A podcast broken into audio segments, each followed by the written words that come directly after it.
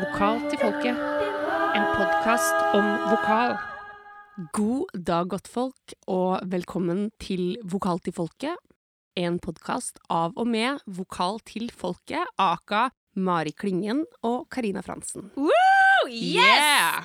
Vi er i gang! Vi er i gang. Vi har benka oss ned her i Slaved Studio i Oslo og er så klare for å nerde rundt denne podkastens o store tema, nemlig stemmen. Ja. Ja, og da først og fremst med utgangspunkt i vår lidenskap sang. Sang! Sang! Det har kommet for å bli. Det har faktisk Det det. er det. Du er med, Mari. Jeg er med så Hvor gira er du på en skala fra én til vokal? Åh, vokal. Vokal. I monitor. Absolutt. Og i PA. Overalt. Overalt. Dette her blir veldig, veldig bra. Yes. Du, Mari. Ja. Eh, nå er det jo sånn at både du og jeg er uh, utdanna og jobber som sangpedagoger. Ja. I tillegg til å være utøvende sangere selv. Stemmer. Ja. Det her går veldig bra. Du har fått med deg det. Jeg har fått med meg litt sånn facts. Um, men vi sitter vel her i dag først og fremst som uh, vokalentusiaster, ikke nødvendigvis vokaleksperter. Absolutt. Jeg vil ikke kalle meg selv for noen ekspert i det hele tatt, men Nei. jeg er veldig, veldig, veldig nysgjerrig. Veldig nysgjerrig Mm. på hva som fins der ute. Ja, ja, ja. Ja, for vi, vi kommer jo fra en ganske sånn tradisjonell eh, faglærerutdanning. Fra det som nå kalles Universitetet i Agder. Mm. Jeg vil si at vokalundervisningen, i hvert fall når vi gikk der, eh, var ganske sånn Ja, bygde på tradisjonelle For så vidt ganske sånn klassiske prinsipper. Mm. Eh, ispedd selvfølgelig rytmiske elementer og et slags rytmisk fokus, da. Ja. Men eh, vi har en ganske sånn tradisjonell eh, Et tradisjonelt fundament som vi bygger på. Mm. Men så shopper vi litt rundt. Vi må jo det. Altså, det er så mye forskjellige uh, sjangre og stiler og måter å tenke på rundt vokal, og da tenker jeg at det viktigste er å være åpen og nysgjerrig for å finne ut hva som skjer. Ikke sant? Ja.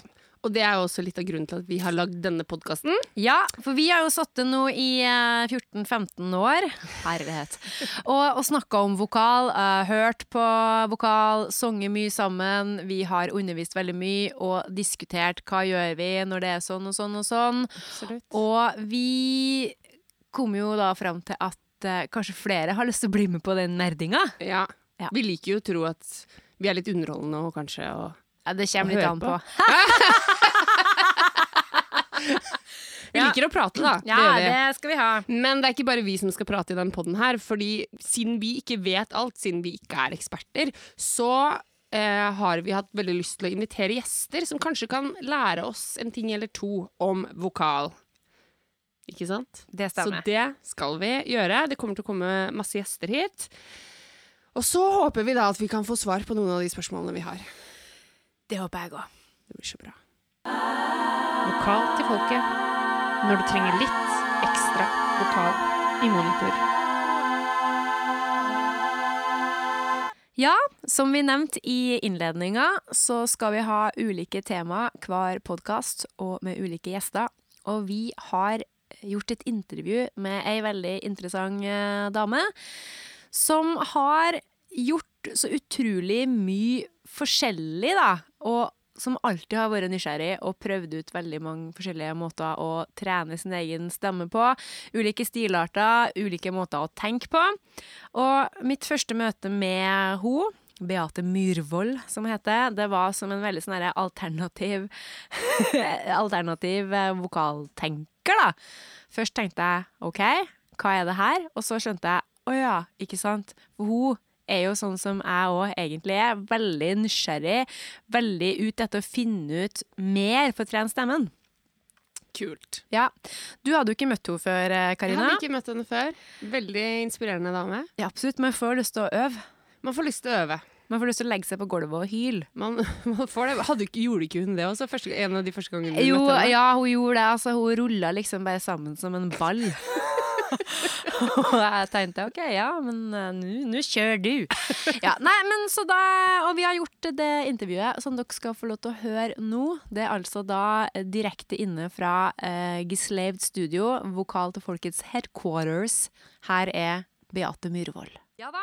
Og nå har vi fått storfint besøk her i Vokal til folket-podden. Og vi har vært så heldige å få Beate Myhrvold her. Og nå, folkens, er det bare å finne fram popkornet, for nå skal vi få historier. Beate, kan du fortelle litt om hva du har gjort av sang?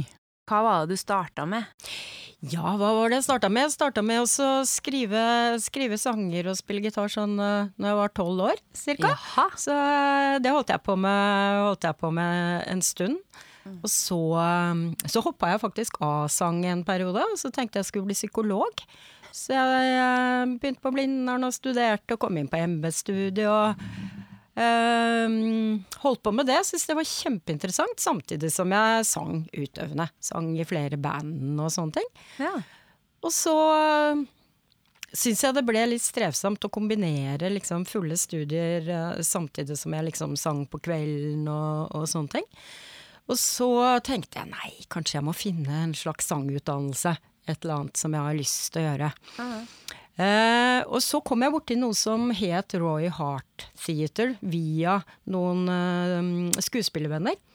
Eh, Grenland Friteater, blant annet.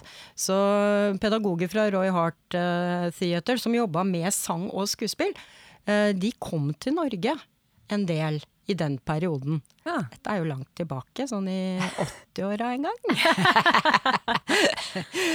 så 80-90-åra, da. Ja. Uh, og da begynte jeg å jobbe i de workshopene for å utvikle meg som sanger, da. Uh, og det var uh, mye morsomt. Fordi at jeg hadde ikke lyst til å ta en sånn tradisjonell uh, sangutdannelse. Jeg hadde ikke lyst på Musikkhøgskolen og sånn. Hvorfor ikke det, da? Nei, fordi at jeg syns Jeg opplevde at det ville begrense det jeg hadde lyst til, da. Jeg hadde ikke lyst til å gå inn i en sånn klassisk boks. Ja. Uh, ikke noe mot klassisk, men jeg hadde lyst til å gjøre noe annet, bare. Ja. Uh, og så var jeg nok litt opptatt av stemme og terapi også, da. Ja. Eller den psykologiske vinklingen på stemme, siden jeg studerte psykologi også. Og det fant jeg! Ja. Der! Yay! Yay! men, men, ja, for Roy Hart er jo Jeg har jo hørt mye om Roy Hart og forstått at uh, oi, oi, oi, Roy Hart Theater Når jeg nevner det til folk, så blir det er noen som blir helt sånn herre Hæ, aldri hørt om? Mens andre bare wow! Kan du forklare hva det egentlig er. nei! nei! men, men Jo da. Eh, å nei, nå trodde jeg liksom jeg skulle vite det. Nei, jeg trenger, jeg trenger, å bli opplyst, for jeg har jo merka at jeg går eh, og liksom å, å nevner det. Mm. Liksom ja, litt sånn name-droppe det. Ja, nei, du vet Roy Hart og sånn. Så vet jeg jo ikke. Jeg vet jo ikke Jeg skjønner at det, liksom, det handler om ja, å være naturlig og kropp og sånn, jeg vet egentlig ingenting mer, så nå må du fortelle meg. Jeg skal, skal gjøre det. Vet du, Det er på mange måter ganske smalt òg, så det er, ikke noe, det er ikke noe rart at mange folk ikke, ikke kjenner, kjenner, til det. Ganske både sært og smalt på mange, ja, men det er bra, for mange jeg, måter. For jeg har jo mm. drevet sagt det når jeg har prøvd å fått meg sjøl til å virke liksom enda mer, enda mer interessant. Og liksom, wow, Mari kan så mange ting. Ja da. Dagens ja. Mm. Nei, men fortell videre, du. Mm. Du kan si det er nok mer kjent innenfor hva skal du si, friteater. da. Eh, eksperimentelt teater. Grotowski, eh, sånne ting. Der, der, er Roy Hart Theater ganske kjent. Eh, og det blir kalt The Theater of Scream. Ja.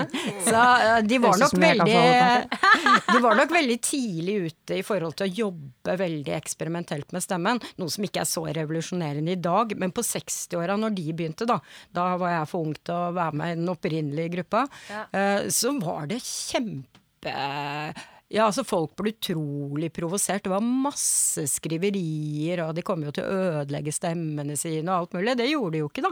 For de uh, skrek jo på en sunn måte, akkurat som enhver baby kan. Mm. Eh, så altså, stemmen vår er jo designa for lyd. Det er ikke noe farlig å skrike. Man må bare gjøre det liksom på rett, rett måte. Amen! Yeah! Men du kan se Roy Hart Theater begynte med Alfred Wolfson, som var en tysk jøde. Eh, og han var faktisk på slagmarken under første verdenskrig. Eh, og han var utrolig musikalsk. Han holdt jo på med musikk før han endte opp som soldat. Eh, så på slagmarken så, så, ble han utrolig traumatisert av alle dødsskrikene og smerteskrik, alle lydene han hørte, hørte, på slagmarken. Så når han kom hjem, så var han blant annet Han var også gassa, da brukte jo nervegass. Og, uh, og han var psykisk helt ødelagt på en måte av både det han hadde sett og hørt. da. Mm. Uh, ingen kunne hjelpe han. Han gikk til all verdens på en måte leger og det som fantes på den tida. Det var kanskje ikke så mye som i dag. Hadde kanskje ikke noe sånn traumeteam og, og, og sånn da. Mm. Så til slutt så fant han ut at den eneste måten han trodde i hvert fall at han kunne helbrede seg selv, det var å, å ta alle disse lydene han hadde inni hodet, ut eh, i lyd. Det vil si forløperen til det som er kunstterapi i dag. Da. Det er jo um, enten du maler, lager lyd, gjør andre ting, så, så, får du på en måte det indre landskapet ditt ut, sånn at det blir håndterlig. Mm. Uh, så det holdt han på. Han gikk til piano, han spilte bra piano, så han, han lagde akkorder, og så, og så satte han rett og slett lyd på disse skrikene. Uh, og han hadde også ment å observere at fra den liksom dypeste dødsralling til liksom høyeste smerteskrik, så nådde den menneskelige stemme over åtte oktaver, da. Så, og etter hvert så ble han faktisk veldig, veldig mye bedre. Han klarte å, han klarte å helbrede seg selv. Og så var det noen som, som sa skal du ikke jobbe med sangere? Eh, dette kan jo være noe som kan få sangere til å bli bedre også. Eh, og så begynte han å eksperimentere med det, annet med sin niese. Og så ble hun mye bedre til å synge, og så, og så begynte han å jobbe litt med folk. Men, men, selv var han opptatt av den terapeutiske delen av det. Og så var han samtidig med Jung. Så han var veldig opptatt av Jungs arketypepsykologi. Eh, at vi skulle sette lyd på alle arketypene våre, sånn at ikke de styrte oss på en måte ved at de bare fikk eh, romstere i, i det mentale eller det psykologiske eh, landskapet. Da. Så det er jo veldig spennende. Så jeg har vært mye heks og mor og barn og så, For vi lagde jo Hearth så lagde vi jo lyd på arketyper, på drømmer, på whatever. for å eksperimentere rett og slett med, med lyd. Så grunnen til at det heter Roy Hart Theater, er at Roy Hart han kom fra skuespillmiljøet. Og var veldig fascinert av det Wolfson gjorde. Så han var da elev av Wolfson i mange, mange år. Utrolig kreativ uh, fyr. Fra Sør-Afrika egentlig opprinnelig.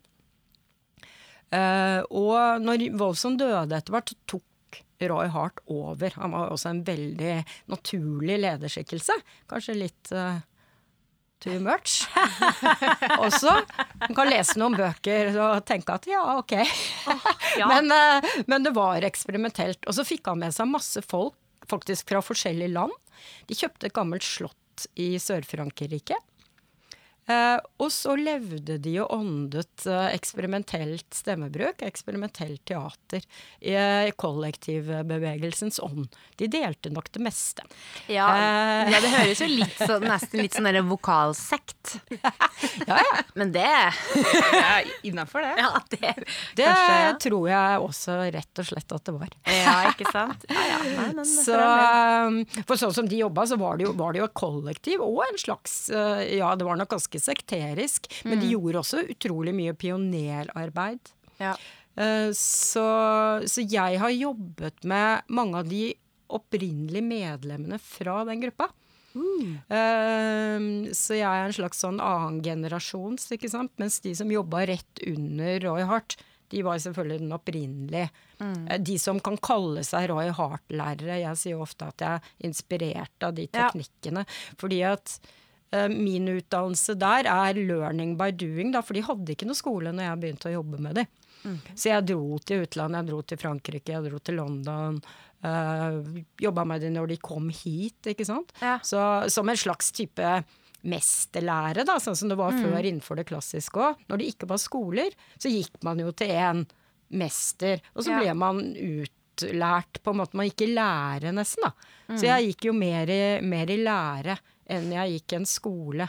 Og vi fikk aldri noe skriftlig. Alt skulle læres, integreres, og så skulle man kunne, kunne gjøre det, da. Ja. Mm. Og på et eller annet tidspunkt så sa de til meg at nå er du utlært, nå kan du begynne å holde kurs selv.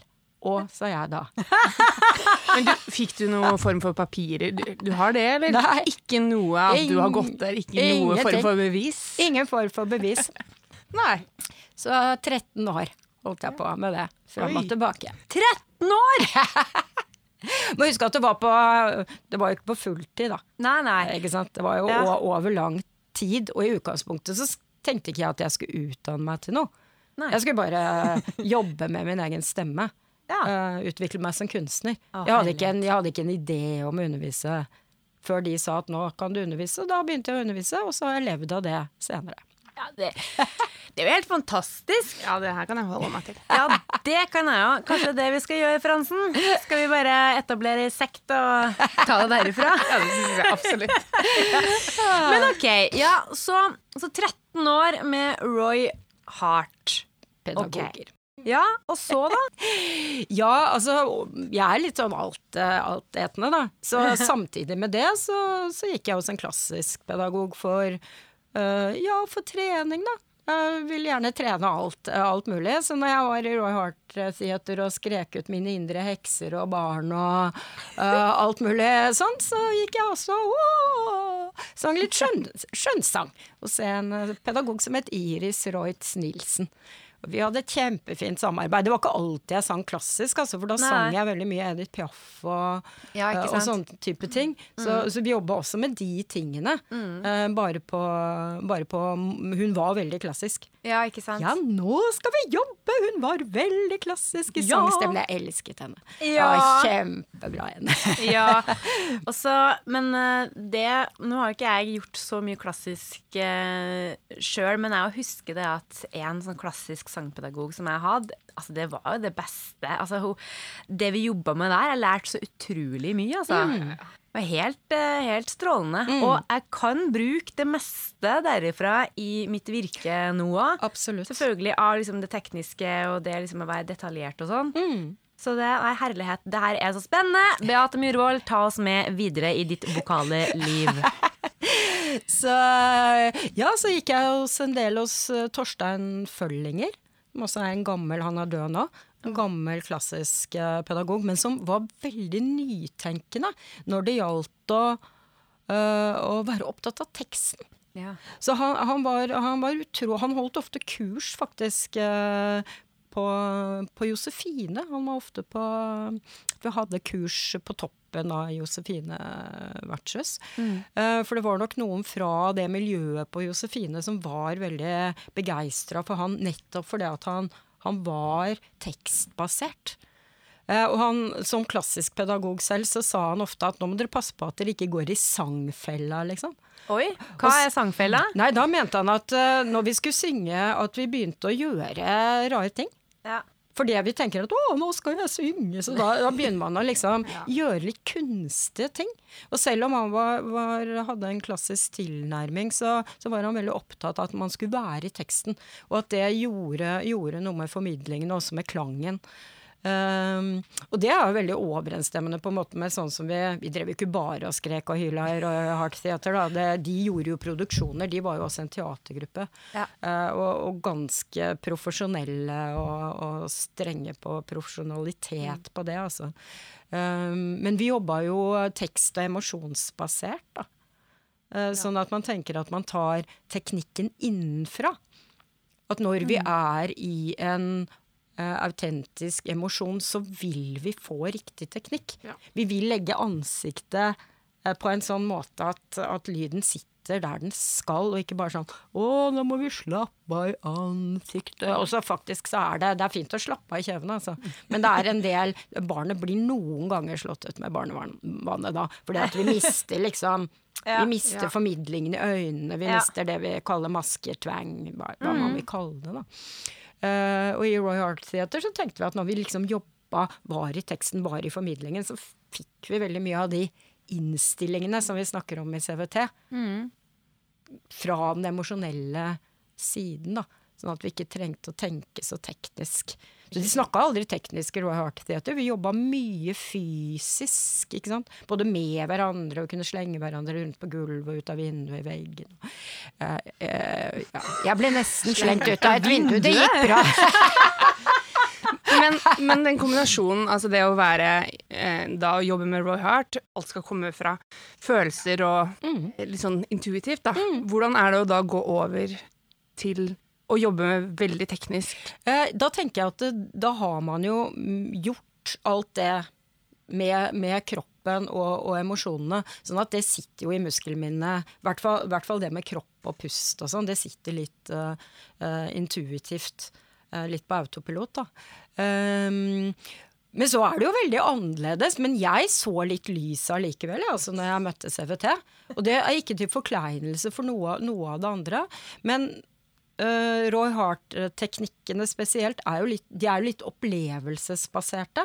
Så når du hadde vært på en workshop, så kunne jeg komme ut og tenke å herregud, dette var helt fantastisk. Men hvordan i all verden skal jeg kunne kopiere det på scenen? Altså hvordan skal jeg finne tilbake til det som, som var en spesiell setting hvor jeg hadde jobba meg inn i noen autentiske emosjoner, jeg var liksom helt, helt, på plass der. Men ja, hvordan skal jeg finne det når jeg går på scenen?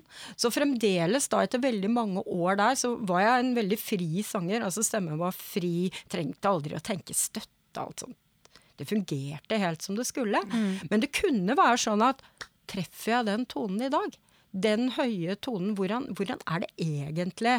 Eh, at jeg finner den. Det var et sånt litt allikevel tilbakevendende det var litt sånn 'kjære gud, la det fungere i dag', liksom. Så på de vanskelige tinga, da. Alt annet var jo, var jo greit, da. Eh, så jeg var fremdeles da på leit da etter alle disse årene, og jeg hadde begynt å undervise, og jeg holdt kurs og alt gruppe grupper og underviste, men fremdeles hadde jeg noen spørsmål rundt hvordan, hvordan, liksom, hvordan trygger vi oss selv enda mer rent teknisk sett. Da. Eh, og da kom jeg borti Katrine Sadolin, altså grunnleggeren av CVT. Lenge før det var kjent i det hele tatt. Da holdt hun små workshops selv, gitt. Sånn som jeg egentlig holder fremdeles, med sånn ti deltakere. Og, og begynte å ø, vise fram disse teknikkene. Og da kom det en sånn kjempelyspære hos meg. Det var sånn Yes! Dette var liksom the missing link. Her fant jeg på en måte det som kunne få alt til å bli en sånn syntese. Mm. Ja, hvis jeg åpner munnen. Sånn, ja. Å ja, det fins liksom curbing, som er en slags midtgir-miks. Mm. Uh, og litt mer sånn konkrete ting. Så plutselig kunne jeg gå på scenen og sa ja! Så hvis jeg bare gjør sånn og sånn og sånn, så treffer jeg den tonen hver dag. Ja. Og jeg trenger ikke bekymre meg hvis jeg har en dårlig dag. Hvis jeg ikke finner liksom mitt indre et eller annet, ikke sant. Så, så, kan jeg egentlig bare åpne munnen og snerre litt, og så, og så når jeg liksom den tonen likevel, da. Så, det handler om sammenhengen på en måte mellom de, eller ja, forholdet mellom de to tingene. Egentlig. Mm. Og så har jeg jo forska, for jeg elsker å være flerspråklig. Uh, altså på Musikkteaterhøgskolen, uh, der hvor Mari og jeg er kolleger. Yeah. Så, så elsker jeg å prøve å finne det felles språket, da. Ja. For instrumentet vårt er det samme. Mm. Uansett hva noen sier, så vil jeg påstå hardnakket at det er det samme instrumentet. Det er de samme musklene. Mm. Anatomien er lik, og fysiologien uh, fungerer omtrent på samme måte. Så vi kaller det eple, pære og banan, curbing, overdrive, fullstemme, randstemme, eh, hodeklang og brystklang. Altså det spiller ikke så mye rolle, bare studentene skjønner hva vi mener. Eh, og at kanskje vi pedagoger som har ulik eh, tilnærming, også kan finne det felles språket. Det er det jeg syns er aller mest spennende. Eh, og jeg har forska mye på da Roy Heart Theater kontra CVT. Og funnet ut at mange av de øvelsene vi gjorde i Roy Heart Theater, er direkte oversatt bar da, i mm. CVT-språk. Og hvordan det egentlig er mulig, det lurer jeg på. Men mange, ja, rett og slett, hvordan visste de det? Vi fikk aldri noe skriftlig. Og den forskninga var jo i hvert fall ikke gjort på den tida. Men, men, vi gjorde ting som liksom er helt overensstemmende med sånn som vi jobber i CVT. da, I forhold til vokaler, i, i forhold til støtte og pust og kropp. Og, og det syns jeg er så interessant. Å ja, den øvelsen, ja, den kan jeg oversette til bare en sånn easy måte å gå mellom girene, da, som vi mm. kaller overgangen i stemmen mm. innenfor CVT. Mm. Men det med, det med, jeg må spørre deg, fordi det med frihet og det å på en måte ha med seg kroppen Jeg leste på hjemmesida di at, eh, at eh, det er mange som selvfølgelig har fått høre at det blir for mye, og at de må roe seg ned litt, og at eh, det er litt vanskelig av og til å frigjøre seg. Eh, jeg er veldig opptatt av det sjøl, og Ja. snakker mye om det med mine elever. Eh, tror du det er litt sånn ekstra vanskelig her i Norge, når det kommer til sånn jantelov, og at vi kanskje er litt sånn ekstra prega av det at vi må ikke ta plass? Ja, det tror, jeg, det tror jeg absolutt. Altså, Skandinavia er jo Altså, eller vi skandinaver er jo ikke like ekspressive som italienere, for eksempel. Da. Det er jo, I forhold til gestikulering. Da, jeg gestikulerer voldsomt mye som en sånn der, eh, visuell person. Og det hender jo når jeg ser opptak av meg selv fra scenen hvor jeg tenker kanskje jeg liksom skal ta Altså, vi kjenner, er det noen som kjenner seg igjen i det, så er det vel oss, Marit. Det har du helt rett i, herlighet. Ja. Så det hender, det hender jo at jeg gjør det, men, men stort sett så oppfordrer jeg mine egne studenter til å bevege seg på uh, i hvert fall i innøvings... Uh, Uh, situasjoner. Ja. uh, sånn at vi ikke stivner i kroppen. Og så, når, når på en måte det er på plass, så kan vi godt ta ned en bevegelse. Ja. Uh, jeg kan godt jobbe med å, å stå med hendene ned på enkelte sanger på scenen, fordi at jeg har godt av det. Jeg har ikke noe vanskelig for å ta plass og være armer og bein. Så jeg, jeg har ikke noe vondt av å stå helt stille.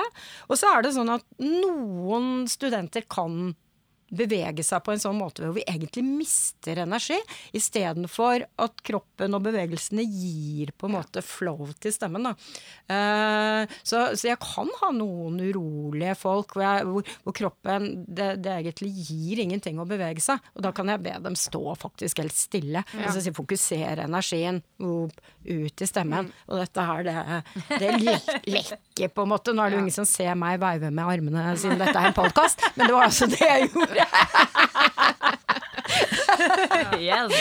Det er viktig å ta plass. Ja. Det er det. Og når vi går på en scene som artister, så må vi jo det. Det er jo det vi gjør. Ja, vi må det. Vi må, Og jeg liksom. tenker Altså, for min egen del, sånn rent personlig, så tror jeg at eh, mye av grunnen til at jeg eh, får til mye av det jeg vil vokalt sett, er fordi at jeg Altså, jeg er ikke noe redd. Jeg har ingen sånne fysiske Altså, jeg har jo sikkert noen fysiske sperrer, håper jeg. Men altså, jeg er ikke noe redd da, for å på en måte se rar ut eller ta plass. Og jeg er veldig sånn Når jeg øver inn ting òg, så, så må jeg bruke kroppen for å få det til. Og det sier jeg Mm. til studentene mine. Du må, du må få det på plass i muskulaturen. Og hvis du da trenger å liksom å bøye deg når du skal ta den, den høye tonen. Hvis du er nødt til å bøye deg 100 ganger, Mm. så gjør du det. Og neste gang, gang nummer 101, så sett det i muskulaturen din, og du vet at du får det til. Og Mm. da trenger du selvfølgelig ikke å sette deg ned. Nei, nei, ikke sant. Ikke, og det, Men det, det har jeg Altså, det husker jeg fra når jeg eh, Når jeg eh, sang klassisk. Det var jo på videregående. Men så husker jeg òg når jeg var på eh, en workshop med faktisk Katrine Sadolin. Eh, da jeg gikk og studerte på konservatoriet. Og da eh, kjøpte jeg den, eh, den boka, ikke sant? Eh, og da Det var da jeg skjønte at å ja, det er muskler!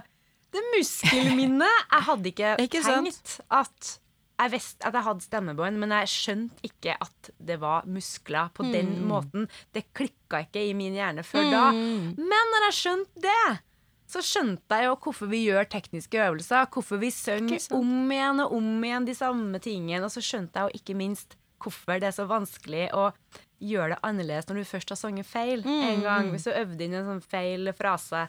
Ikke sant? Og det var en åpenbaring. Halleluja! Mer av det. Ja. Og det som ofte, ofte hjelper òg, da, eh, ved å bevege seg altså, jeg, Når jeg jobba med Royal Heart Theatre, så, så gjorde vi det mye, mye mer ekstremt. For vi tenkte at når vi hadde øvd inn ting feil, så var det jo ofte stående.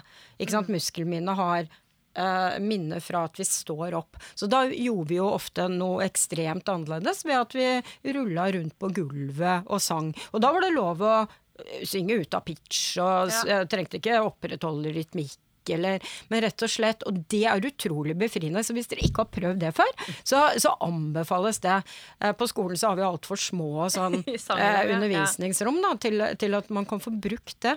Men, eh, men det er utrolig frigjørende. Det løser utrolig masse tekniske problemer, faktisk. Fordi at muskelminnet på de dårlige tinga er og nå står jeg her og skal synge, og så stivner vi litt både her og her og der. Ikke, og tør ikke se rare ut, som du sa, og, og, og, og sånne ting. Men er vi ekspressive, så må vi faktisk gjøre ting i ansiktet. Så jeg spiller veldig ofte sånn close-up YouTube-klipp for studenter som liksom er litt grann for Ja, ja, man kan jo ikke åpne munnen så mye. Og så jeg at hvis du vil ha den lyden, så se på den personen, Ja. Liksom. Ja. Se på Aretha Franklin Ja, i hennes ja. glansdager. Du ser ikke øynene hennes. Nei, men du, du gjør jo ikke det. Og en baby som skriker, du ser jo ikke noe øyne, du ser et svært gap. Og sånn er det faktisk når vi skal ha høyt volum. Så må vi åpne munnen. Ja. Og så fins det jo noen sånne fantastiske, klassiske eksempler. Jeg husker aldri etternavnet hennes, men hun heter Anna Nedrektko eller Nebrektko eller et eller annet sånt. Som har verdens lengste munn. Jeg er helt sikker på at den er 15 cm. Dere må bare se henne synge Omio Babino Caro. Det er helt Ja. fantastisk. Og på den munnen så klarer hun også å trute hele tiden. Så det er et studie i lang trutmunn. Så, og det er, det er jo ren klassisk. Hun synger helt fantastisk. Og så kan man spille Glenn Carter som sang 'Jesus Christ', de store sangene derfra. Helen Sjøholm, som er utrolig eh, Veldig mye Ja, mimikk eh, i, i ansiktet. Veldig mye bitt, som vi snakker om i CVT og, og sånne ting. Så for studenter så tror jeg de bare må se det. Ja. Det er sånn ser vi ut når vi synger. Nei, vi ser ikke avspent ut og, og sånn i ansiktet. Vi Og så må de se litt eh, video av seg selv også, det kan være lurt. Ja, ja. Og se hva man sjøl gjør, for man tror kanskje man gjør mye mer enn det man faktisk gjør. Veldig ofte, og særlig det med å åpne munnen. For da kan jeg si til studenter at ja, kan du åpne munnen? Ja, men jeg åpner munnen. Ja, fint, du åpner akkurat en halv centimeter. Ja. Det føles det som å åpne munnen. Så jeg sier jo større munn, jo mindre hjerne, jo bedre. Stor munn og stort klangrom. No brain. Det er jo helt fantastisk slagord. Altså, her lukter det mørkt. Ja, det er veldig bra. Ja, buttons med det. Gøy! Veldig gøy. Altså, jeg blir inspirert. Jeg òg. Ja, Vi må rett og slett bare rulle litt mer på gulvet. Jeg tror det. Vi må det. Men du Beate, Ja. tusen takk. Veldig hyggelig at jeg fikk komme. Det kan godt tenkes at vi spør deg igjen. Ja! Fordi at du eh, Jeg føler at det er, det Jeg føler at vi ikke er helt ferdige. At vi har så masse mer vi kan prate om. Ja, det er det, altså. Nei, det her har vært helt uh, fantastisk, så nok en gang, tusen takk, Beate. Takk.